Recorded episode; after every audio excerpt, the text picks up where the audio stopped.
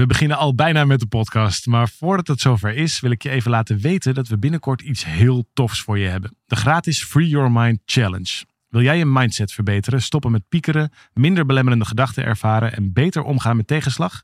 Schrijf je dan in voor deze challenge via www.365dagensuccesvol.nl slash challenge. Het is van 26 mei tot en met 29 mei en ik heb er heel veel zin in. We beginnen nu met de podcast.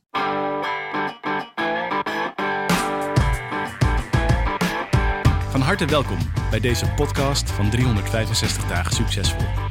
Wij zijn David en Arjan en we delen in deze podcast de eye-openers die cruciaal zijn voor een gelukkiger leven.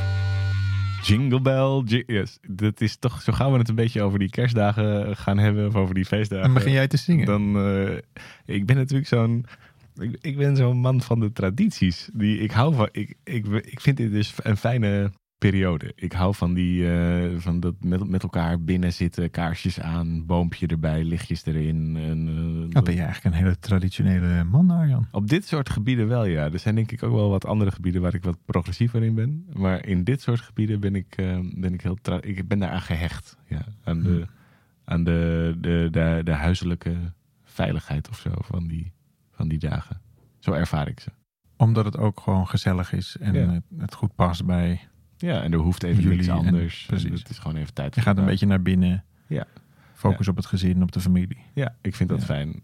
En ondertussen weten we ook natuurlijk dat er ehm, heel veel mensen zijn die juist opzien tegen die dagen. Vanwege juist al die sociale verplichtingen of de, de hoge verwachtingen van Mhm. het is weer kerst. Het moet weer aan bepaalde dingen voldoen. Het, moet weer, het is weer gezellig opzitten met ouders of eh, familie of anderen. Waar je, Ja, li- of wat je op- liever niet wil opgezadeld zitten. Ja. opgezadeld zitten. Ja. Met, eh, met, terwijl je liever wat anders zou willen doen. Hoe overleef je die feestdagen? Hoe overleef je die, die bijvoorbeeld kerst? Maar met oud en nieuw geldt natuurlijk hetzelfde. Moet je dan verplicht feesten of verplicht oliebollen eten of champagne drinken? Of kun je ook gewoon naar bed om negen uur? Wat zou je, hoe, zou, hoe overleef je deze dagen? Wie bepaalt hoe die dagen eruit zien? Nou ja, daar is er wel een interessante eh, vraag over te stellen. Wie ben je bereid om teleur te stellen? Kijk, ik, ik denk dat op een moment. Nou, laat ik, het- laat ik het over mezelf hebben. De, ik hou niet zo van dit soort dingen. Waar jij zeg maar eh, gezellige kerstliedjes onder de boom zingt. Ja. eh, ga ik liever echt iets anders doen. Ja. En helemaal met oud en nieuw en dat soort, eh, dat soort dingen. Het valt eigenlijk altijd tegen. Omdat die verwachting zo hoog is. Iedereen zo zijn best doet. Eh, daardoor komt die lat nog hoger te liggen. En ik heb me op een gegeven moment mezelf de vraag gesteld van... maar wat nou als ik het helemaal op mijn eigen manier doe? Ja? Wat nou als ik het helemaal zelf zou mogen bepalen? Stel nou dat het mijn leven is. Oeh. Wat zou ik dan doen? Hoe Mhm. zou ik het dan inrichten? Nou, bijvoorbeeld met de oud en nieuw ga ik dus niet vuurwerk afsteken. Ga ik niet, eh, ik denk sowieso geen alcohol, maar het, het, ga ik dus ook niet met vrienden allemaal veel alcohol drinken en dan elkaar een soort van voorstaan te liegen in een half beschonken toestand over waar dan het volgende jaar weer over moet gaan. Heb ik allemaal eens gedaan, maar daar word ik allemaal niet zo heel blij van. Je hebt bijna een cynisch beeld van, eh, van oud en nieuw. Toch? Je kunt ook zeggen, het is juist een moment om misschien je te verbinden met mensen die je niet zo vaak ziet. Of tradities geven ook een bepaalde houvast in je leven. En het zijn ook momenten waarop je, nou, waarop de klok weer slaat en je weer even stilstaat met elkaar bij wat gebeurt er nou en hoe wil ik dat. En dat is fijn om dat te doen met mensen die belangrijk voor je Ja, zijn. dat vind ik allemaal vreselijk. dus dat is, nee, dat vind ik van een oppervlakkigheid, daar kan ik helemaal niks mee. Waarom is dat oppervlakkig? Nou, kijk, het, het, bij mij krijgen dingen pas betekenis op het moment dat ze ook diepgang krijgen. Mhm. Dus ik vind het heel vervelend om eh, gesprekken te moeten voeren over, jeetje, hoe is, het, hoe is het nou met jou daar op je werk? Of hoe is het dit? Nou, Nee, dat vind ik niet prettig. Terwijl, op, mo- nou, laat ik, laat ik teruggaan naar, naar die vraag van wie ben je bereid om teleur te stellen? En ik was natuurlijk heel lang niet bereid om daar allerlei mensen op teleur te stellen. Want je wordt voor dingen uitgenodigd. Ja, je van moeilijk om teleur te stellen, nou, dan gaan we maar. Of je organiseert zelf iets. Want ja, en je wil bepaalde mensen niet teleurstellen. Meestal, hoe dichterbij, hoe moeilijker het is om ze teleur te stellen. Ja, dus stel je dan uiteindelijk maar jezelf teleur. Exact. En dan ga je natuurlijk jezelf teleurstellen. En dan weet je eigenlijk bij voorbaat al van, oh, je bent blij als het is, als het is afgelopen. Of eigenlijk anders nog, je bent eigenlijk blij als het is gelukt. Oh ja, dat je aan de verwachtingen hebt voldaan. Dat je niet iemand hebt teleurgesteld. Nou ja, of als het gewoon is gelukt. Als het, als het een beetje gezellig is geweest. Of als, als, als we dan toch nog een beetje leuk vuurwerk hebben gekeken. Maar. Goed, misschien denk ik gewoon te, te diep over dit soort dingen na. Maak ik het te belangrijk. Dat we, ik bedoel, ook maar één dag in het jaar. Maak ik het ook niet ingewikkelder. Maar, maar goed, toen heb ik mezelf de vraag gesteld van... Oké, maar stel nou dat ik het helemaal zelf zou mogen weten. Stel nou dat ik bereid ben om iedereen teleur te stellen. Behalve mezelf. Wat zou ik dan organiseren? Ja. Ja, ik zou gewoon heel graag in de zweethut willen zitten. Want daar zit ik sowieso heel graag. En toen dacht ik, oké, ik zou graag een ceremonie maken van ehm, 31 naar, naar, naar 1 januari. Als er dan toch al een soort transitieding is, dan, dan vind ik het eigenlijk wel mooi om dat in een ceremoniële setting eh, te doen. Mhm. Dus wat heb ik voorgesteld om, om, eh, om 11 uur 's avonds eh, de hut in te gaan. Daar dan gewoon ja, de zweten te beleven zoals we dat, eh, zoals we dat doen. Ja. En om daar dan rond een uur of Een één... Chinese mat af te steken. eh, een Ja, precies. In die hut. Toch een goed idee. Maar dan kom jij nog even langs. keukenmeid. Ja, precies. Nee, nee, ik heb helemaal niet zoveel met vuurwerk. Nee, maar dat... En ook niet zoveel met zweethutten, dus dat scheelt. maar ik dus wel. Eh, dus om, om, om 11 uur s'avonds gaan, we die- gaan we die hut in. En dan is dus ergens in die nou ja, periode is het nieuwe jaar begonnen. En dan gaan we er ongeveer om een uur of één, eh, nou ja, zoiets. eh, We hebben geen horloge bij ons, maar zo ongeveer om een uur of één gaan we er dan weer uit. En dan is het dus het nieuwe jaar begonnen. En, en wat ik zo mooi vind aan, eh, aan de zweethut, is dat het, het, het lijkt erg op, op diepe meditatie. Of je zou zelfs kunnen zeggen op een vorm van gebed Mhm. in ieder geval stilstaan bij dat wat belangrijk is. Dus ik maak er een heel ceremonieel, bijna sacraal ehm, ding van. Omdat ik daar heel veel waarde aan hecht. Vind ik mooi. Ja. En het wonderlijke is dat daar dus heel veel mensen op aangingen. Dus een paar vrienden gingen daarop aan. Zeg, jeetje, wat fijn, mag ik mee? Nou, natuurlijk, graag, super tof. En mijn geliefde ging daar enorm op aan. Die zei, oh, wat tof. Nou, dan gaan we met een camper en dan eh, nemen we de kinderen mee. En dan gaan we het zo organiseren. Oh, nou, het wordt steeds leuker. En inmiddels zijn we met een heel groepje. En is dat dus hartstikke leuk. Ja, komt daar niet alsnog weer die, eh, die, zeg maar, die oude... Dat je alsnog weer misschien het idee hebt van... Ja, kan ik het dan nog wel op mijn manier doen? Of nu moet ik zoveel rekening houden met al die mensen. Misschien ga ik dan alsnog weer mensen teleurstellen of jezelf aanpassen. Eigenlijk dat Ja. je je plannen nu maar zo maakt dat het voor iedereen acceptabel is. In plaats van dat je, dat je eigenlijk alsnog weer niet je eigen hut, je, je eigen ceremonie kunt doen. Nou, het ging me er ook niet over dat ik per se een, een ceremonie voor mezelf moest doen. Maar ik had mezelf de vraag gesteld: wat zou ik doen als ik het helemaal zelf zou mogen bepalen? En Ja. ik ben dat vervolgens gewoon gaan roepen. Het was nog helemaal niet zozeer van: eh, dan ga ik dat ook zo doen. Ik bedoel, het, het- om daar dan in je eentje te zitten tussen 11 en 1, zo gezellig is dat nou ook niet. En het is ook nog eens een heleboel werk.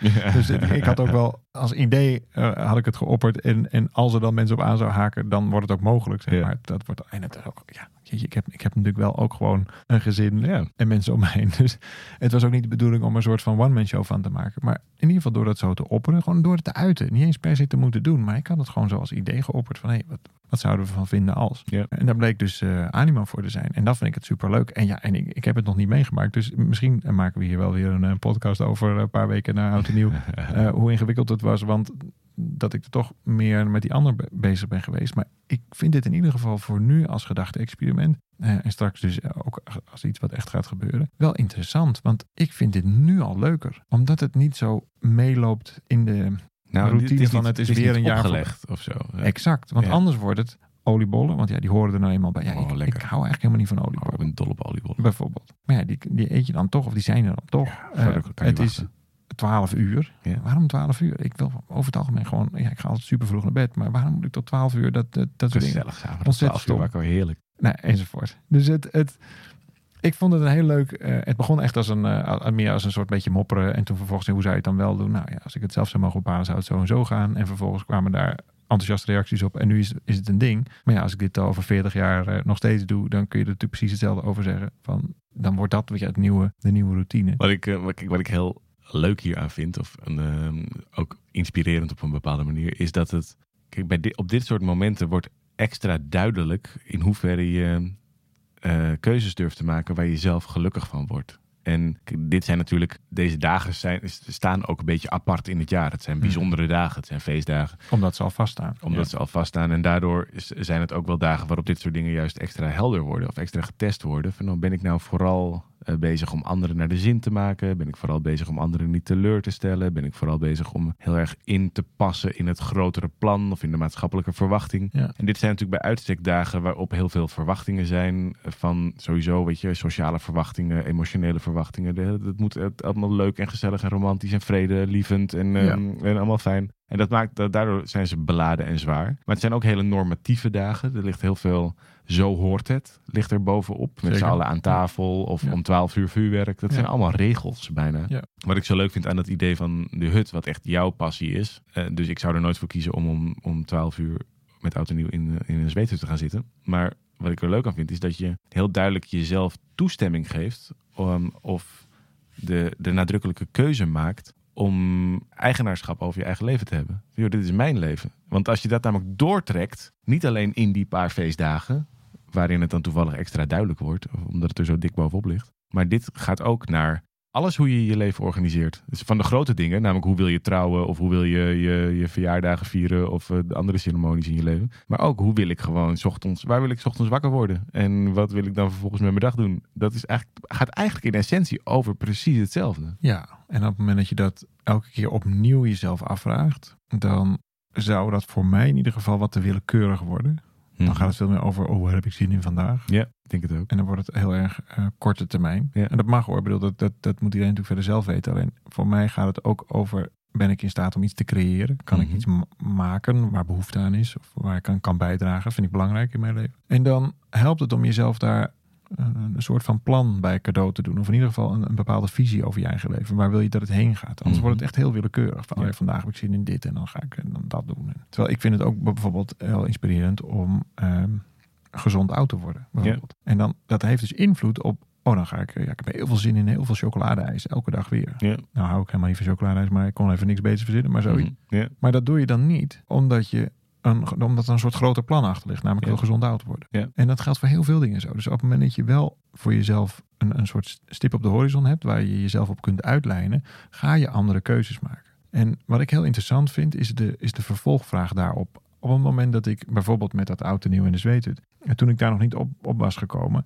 heb ik mezelf de vraag gesteld: wie heb ik eigenlijk in mijn hoofd, dat is vaak maar één persoon, die dit leuk moet vinden? Mhm. Of die dit goed moet vinden. En dat geldt dus ook bij de keuzes die je maakt op, oh, eigenlijk op elk gedrag. Wie En heb ik in mijn hoofd Je bedoelt daarmee dat die persoon niet jijzelf bent. Exact. Ik denk dus dat wij heel veel, of in ieder geval ik herken dat bij mezelf, dat ik heel veel heb gepoogd anderen het naar de zin te maken. En ik, en ik, ik- mag ik er één voorbeeld van, eh, van geven? Het is jouw leven. Oh ja, dan vraag ik echt jou een toestemming. Oh, dat is, oh. Jullie ben ik jouw Ja, interne Oké, commissie. you got me there. Ja, ik wil je, wil je absoluut niet teleurstellen. Nee, het, het, eh, nee ik bedoel eigenlijk meer, hebben we daar nog tijd voor? Ja, Ehm. Ik ga van de zomer ga ik trouwen. En toen heb ik gaandeweg de organisatie daarvan. En die is ook nog lang niet af. En dat is ook, poeh, nou, je hebt het meegemaakt. Het is, eh, het is een impactvol ding. En wat ook allerlei eh, processen triggert. Erg, erg interessant. Maar ik heb dus de vraag gesteld aan zowel mijzelf als aan mijn geliefde. Wie heb jij voor ogen wie dit beleeft? Ja. En interessant genoeg hadden wij dus allebei iemand anders dan onszelf. Mhm. Als soort van kroongetuige Eikpunt. in dit. Als Ja. eikpunt Ja, voor, voor, die persoon moet het, moet het goed zijn. Ja. En toen zijn we daar meteen weer mee gestopt. Wil je er iets over zeggen om, om dat concreter te maken? Of wil je daar nu niet in detail in gaan over wie dat dan waren in jullie geval? Nou, in mijn geval was het in ieder geval een goede vriend. Ja. En die zag ik gewoon letterlijk in de bus zitten. En dan, nou, nou, die, wat, we doen het dan met bussen. En dan rijden we ergens naartoe. En dan, ik zag ik hem zitten en ik zag hem uitstappen. En ik zag hem in die, nou, in die ceremonie. En, en, Ja. en ik beleefde dus die, die ceremonie door zijn ogen. Mhm. Onbewust. Hè? En totdat ik die vraag stelde van wie, wie heb je eigenlijk elke keer als soort eikpunt Ja. in dat proces. Nou, en zij had daar een vriendin voor gekozen. En toen zijn we daar dus meteen, en dat was het mooie, dus door die vraag te stellen, voor wie organiseren we dit eigenlijk? En durven we daar een gezicht aan te plakken? Eh, Of, of durven we eh, eh, een stukje zelfonderzoek van wie, op wie projecteer je dat nou eigenlijk? Mhm. En dat ben ik op veel meer dingen gaan doen. Hey, of op, op wie projecteer ik dit? Of, of op wie probeer ik hier eigenlijk, voor wie wil ik dit laten lukken? Ja. Daar is in essentie natuurlijk helemaal niks mis mee. Het is ook prima om het leuk te maken voor mensen. Ja. Alleen, ja, nou net zoiets als je huwelijk bijvoorbeeld. Ja, over wie mag dat in principale gaan? Ik denk ook dat het daar leuker voor wordt voor de gasten trouwens.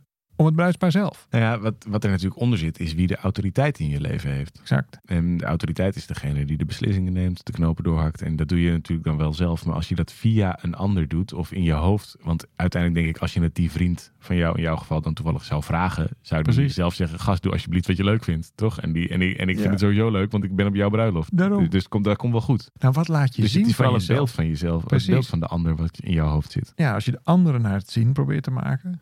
Vanuit die eerst. Mhm. dan, dan hebben ze in ieder geval jou niet leren kennen. Ja. Of hebben ze jou leren kennen als jij bent degene die het ander naar het zin maakt. Maar op zoiets als een bruiloft is het best prima, lijkt mij, als het gewoon maximaal over het bruidspaar gaat. Ja. Die dat gewoon op hun manier vormgeven. En nou ja, ik ben al best wel veel bruiloften geweest. En ja, ze zijn niet allemaal even mijn ding, Nee. maar wel heel vaak het bruidspaar hun ding. En dat vind ik dus super tof om dat te zien. Dus ik hou heel erg van bruiloften. Ik hou ook heel erg van begrafenissen om eigenlijk min of meer hetzelfde ding. Omdat Als het lukt, als het de uitvergroting van het karakter van de mensen Ah ja, je leert de gaat. mensen gewoon op een hele bijzondere manier kennen. Er zit zoveel... Van begrafenissen, dat zou je wel... Sorry, dat realiseer ik me nu pas. Een beetje morbide. Dat je dan dat je denkt, hé, gezellig. Een begra- ik neem jou beter kennen. Het is een nee, het is, nou dat is het natuurlijk niet. Maar ik, ik ga wel naar zoveel mogelijk eh, begrafenissen van, van ook wel van verre familieleden en zo. Ja. Omdat ik, ja, ik, ik, ja, ik, in zekere zin hou ik er wel van, ja. Niet omdat ik er natuurlijk zo naar uitkijk. Maar je- weet je, het, het, iedereen gaat toch een keer. Maar je leert iemand zo goed kennen. Een oud-tante van mij bijvoorbeeld vorig Mhm. jaar, die, die overleed. Nou, die, werd ook nog eens heel ver weg eh, begraven. En ik had als enige verre achterneef van de familie daar moeite voor genomen om, om daar te zijn. Mhm. Dat werd sowieso zeer op prijs gesteld. Maar voor mij was het niks meer dan logisch. Ik bedoel, het past ook in mijn agenda. Als ik zelf in het buitenland had gezeten, was ik er niet voor heen en weer gevlogen. Maar het had nu gekund. Ik, ik kende nauwelijks. Maar ik was gewoon heel benieuwd naar die familie. Naar, Ja. naar wat daar gebeurt. Ja. En dat was zo ontzettend bijzonder. Want ik zat daar dus uiteindelijk naast mijn eigen oma. En wij hebben daar de grootste lol gehad. Ja. We hebben daar waanzinnige gesprekken gehad over dingen die wij allebei niet van elkaar wisten. Nog van die lijn van de familie. Ja. Het was aangetrouwde familie voor haar. Waanzinnig. Dus dat, daar zit een soort diepgang in. Daar zit een soort rijkdom in. Die, die kom je. Ja, de, de echte gesprekken vinden gewoon lang niet altijd plaats. Het is vaak blijft het een beetje aan de oppervlakte. En op dat soort momenten, ook bij bruiloft, et cetera, gaat het heel erg de diepte in. Behalve op het moment dat jij dat organiseert voor anderen. Ja. Als het dus niet mag gaan over degene die is overleden. Maar als het dan ineens gaat over iedereen moet het maar leuk hebben. Of iedereen moet het maar...